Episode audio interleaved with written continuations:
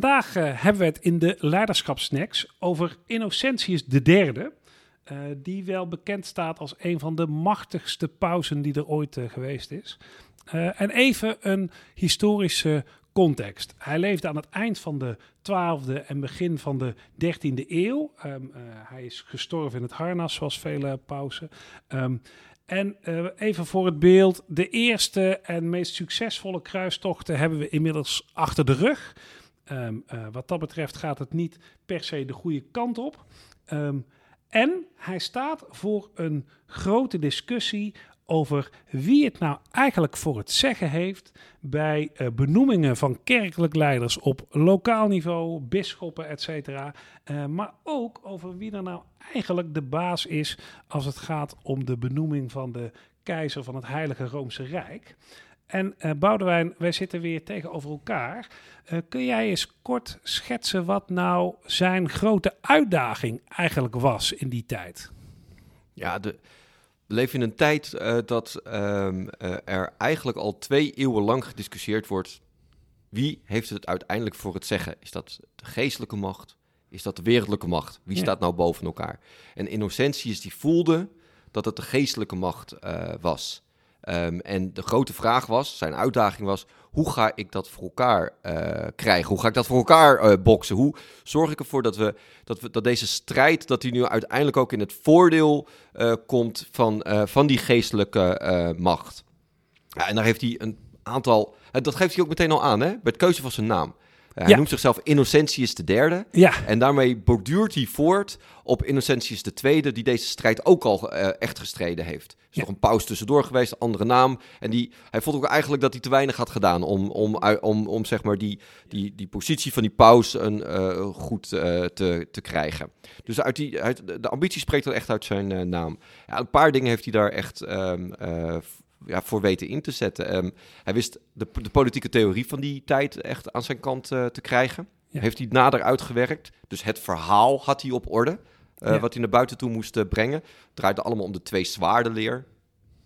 Zie hier, hier, hier zijn mm -hmm. twee zwaarden. En de vraag was dan van wie, wie heeft nou die twee zwaarden vast, et cetera. En, um, maar belangrijker denk ik nog, is dat hij um, een aantal um, innovaties heeft toegepast het recht. Ja. Hij heeft ontzettend veel gecodificeerd. Precies, ja. Um, en wat wel heel erg uh, interessant was, was dat hij uh, voor het eerst ook zich ging, uh, echt ging bemoeien met wat mensen mochten denken. Wat de kaders waren voor hun denken. En dat heeft hij onder andere heeft hij dat ook weten te handhaven door de instelling van de Inquisitie. Ja. En dus dat. nou, dat... nou ja, en wat ik uh, wat mij echt wel bezighoudt bij hem is, het is hem eigenlijk gelukt om een nieuw denkkader uh, als het ware op te dringen uh, aan mensen, hè, al die wereldlijke leiders. Als je daar met de huidige bril naar kijkt, vind ik het zo bijzonder. Um, die hadden natuurlijk met onze bril veel makkelijker voor het zeggen. Ik bedoel, zij hadden een, een, een, macht met ridders. En in, in die zin waren, was hij eigenlijk had hij redelijk makkelijk overlopen kunnen worden. Maar hij heeft iets gecreëerd, namelijk dat um, nou ja, eigenlijk de angst voor die grotere orde, die angst voor God, waarvan hij ook uh, misschien wel als eerste of meest indringende heeft gezegd: Ik ben gewoon de plaatsvervanger van God op aarde. Ja. En de truc is dat hij het andere heeft laten geloven. Ja, maar het ging verder dan dat. Hè? Het was niet ja? alleen het laten geloven. Als je kijkt naar, op een gegeven moment um, gaat het om de aanstelling van uh, de aartsbisschop van Canterbury. En Innocentius zegt, nou, ik wil dat uh, Pietje dat gaat, uh, gaat doen. En um, op dat moment heb je koning John, daar zit en die, die, die accepteert ja, dat niet. Jan Zonderland. Anders, hè, ja. ja. Jan Zonderland. Ja. Die, die, wil een andere, um, die wil een andere aartsbisschop hebben. Wat doet Paus Innocentius? Die zegt, nou ja, dit pik ik niet. Nee. Dan verbied ik dus dat ook maar iemand nog mag trouwen. Dat geen mens meer gedoopt mag worden en dat niemand begraven mag worden. Want dat is aan de geestelijke macht. En dan, dan is dat dus meer dan dat, uh, dat, dan dat hij dat, dat, uh, die geloofsargument gebruikt. Hij verbiedt gewoon bepaalde dingen die voor mensen heel belangrijk zijn, dat dat nog kan plaatsvinden. Dus Jan Zonderland kan niks anders doen Nou ja, Nee, maar, maar dat vind ik dus zo fascinerend, Boudewijn. Hè? Dit woord gebruiken we vaker, fascinerend.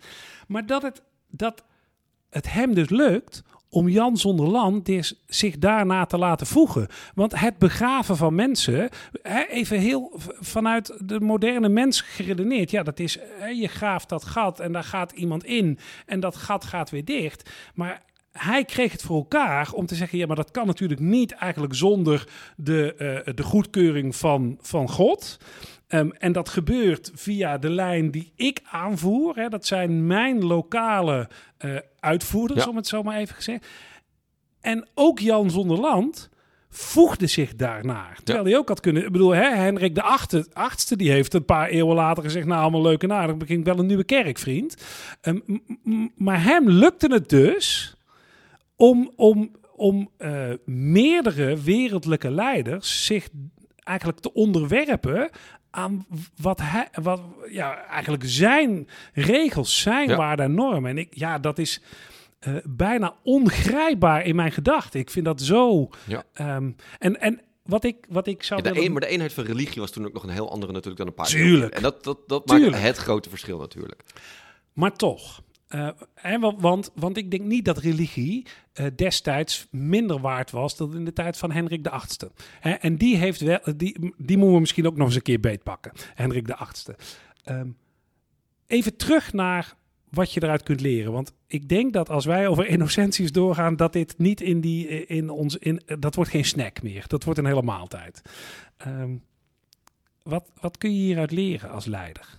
Ja, ik vind in ieder geval heel veel lessen hier uit, uit deze persoon te Ja, trekken. Dat, dat hoor je al aan, de, de, de- aan het gesprek wat wij eh, hebben. Ja, Maar zeker. voor mij zijn er twee dingen. Nou. Ehm, het eerste is, eh, zorg dat je verhaal op orde is. Ja. De consistentie daarin. Ook gewoon eh, datgene wat, er, wat erachter zit, dat dat het bewijs is voor, voor het verhaal wat je vertelt. En ten tweede, en dat was voor die tijd was dat echt een, een hele belangrijke, dat is die codificatie. Dat Mhm. is zeg maar het gebruiken van, van rechtsinstrumenten. Ehm, en ehm, daarmee proberen stappen te gaan eh, zetten. En daar, daarin was hij echt, echt een innovator. Ja, en wat mij betreft ook wel een overactor. Hè? In die zin, hij, hij nam zo'n grote hap, waarbij het, het had ook anders kunnen aflopen. Maar hij, nam zo, hij trok zo'n grote broek aan, dat het daarmee werd, hij, eigenlijk werd het een self-fulfilling prophecy, vind ik. Hè? Want hij dreigde uiteindelijk ook met excommunicatie, et cetera. Heeft hij ook gedaan, hè? Zeker, zeker. Eh, maar hij, hij heeft het zo groot aangezet. En hij maakte het. Nou, ik, het voorbeeld wat jij gaf is natuurlijk. Dat, hè, dat, dat maakt het zo krachtig. Gewoon het hele dagelijks leven. Hij mat zich eh, eh, de ruimte aan om te zeggen: Ik zet het hele dagelijks leven gewoon on hold in Engeland. als jullie niet luisteren. Dat had erin kunnen eindigen dat Jan zonder land al een, een vroegtijdige Hen Hendrik de Achtste geworden was hij trok zo'n grote broek aan. Hij heeft nog voor elkaar gekregen ook. En dat heeft hij, denk ik, hè, met de twee wijze lessen die jij eruit haalt, voor elkaar gekregen. Hè? Dus daar doe ik niks aan af. Maar dat laatste hoort er wat mij betreft ook wel bij. Een soort van zo'n mega overtuiging, zo'n mega power erachter gooien. Ja, dat ja, mensen... Maar laten we hem dan toch eventjes in de Ja. historische context plaatsen. Toch eventjes één Nee, heel klein nee. puntje toch nog. Want eh, als we Paus Innocentius de derde in de tijd van Hendrik de Achtste hadden geplaatst... Mhm. was het Paus Innocentius de derde met al zijn eh, instrumentaria eh, niet gelukt... Nee. wat hem in de begin 13e eeuw wel gelukt was. Dus het is, het is ook die toevalligheden die we weer zien. Maar je hebt helemaal gelijk. Hij wist een soort lef ook tentoon te spreiden. Ehm, zoveel overtuiging. Hij wist zo ontzettend, zeg maar, gewoon te zeggen van... en we gaan het nu gewoon zo doen. Ja. En de rest van de wereld, die, die ging zich gewoon voegen naar die woorden. Ja. Geweldig. Ja, zeker. Een mooie weer.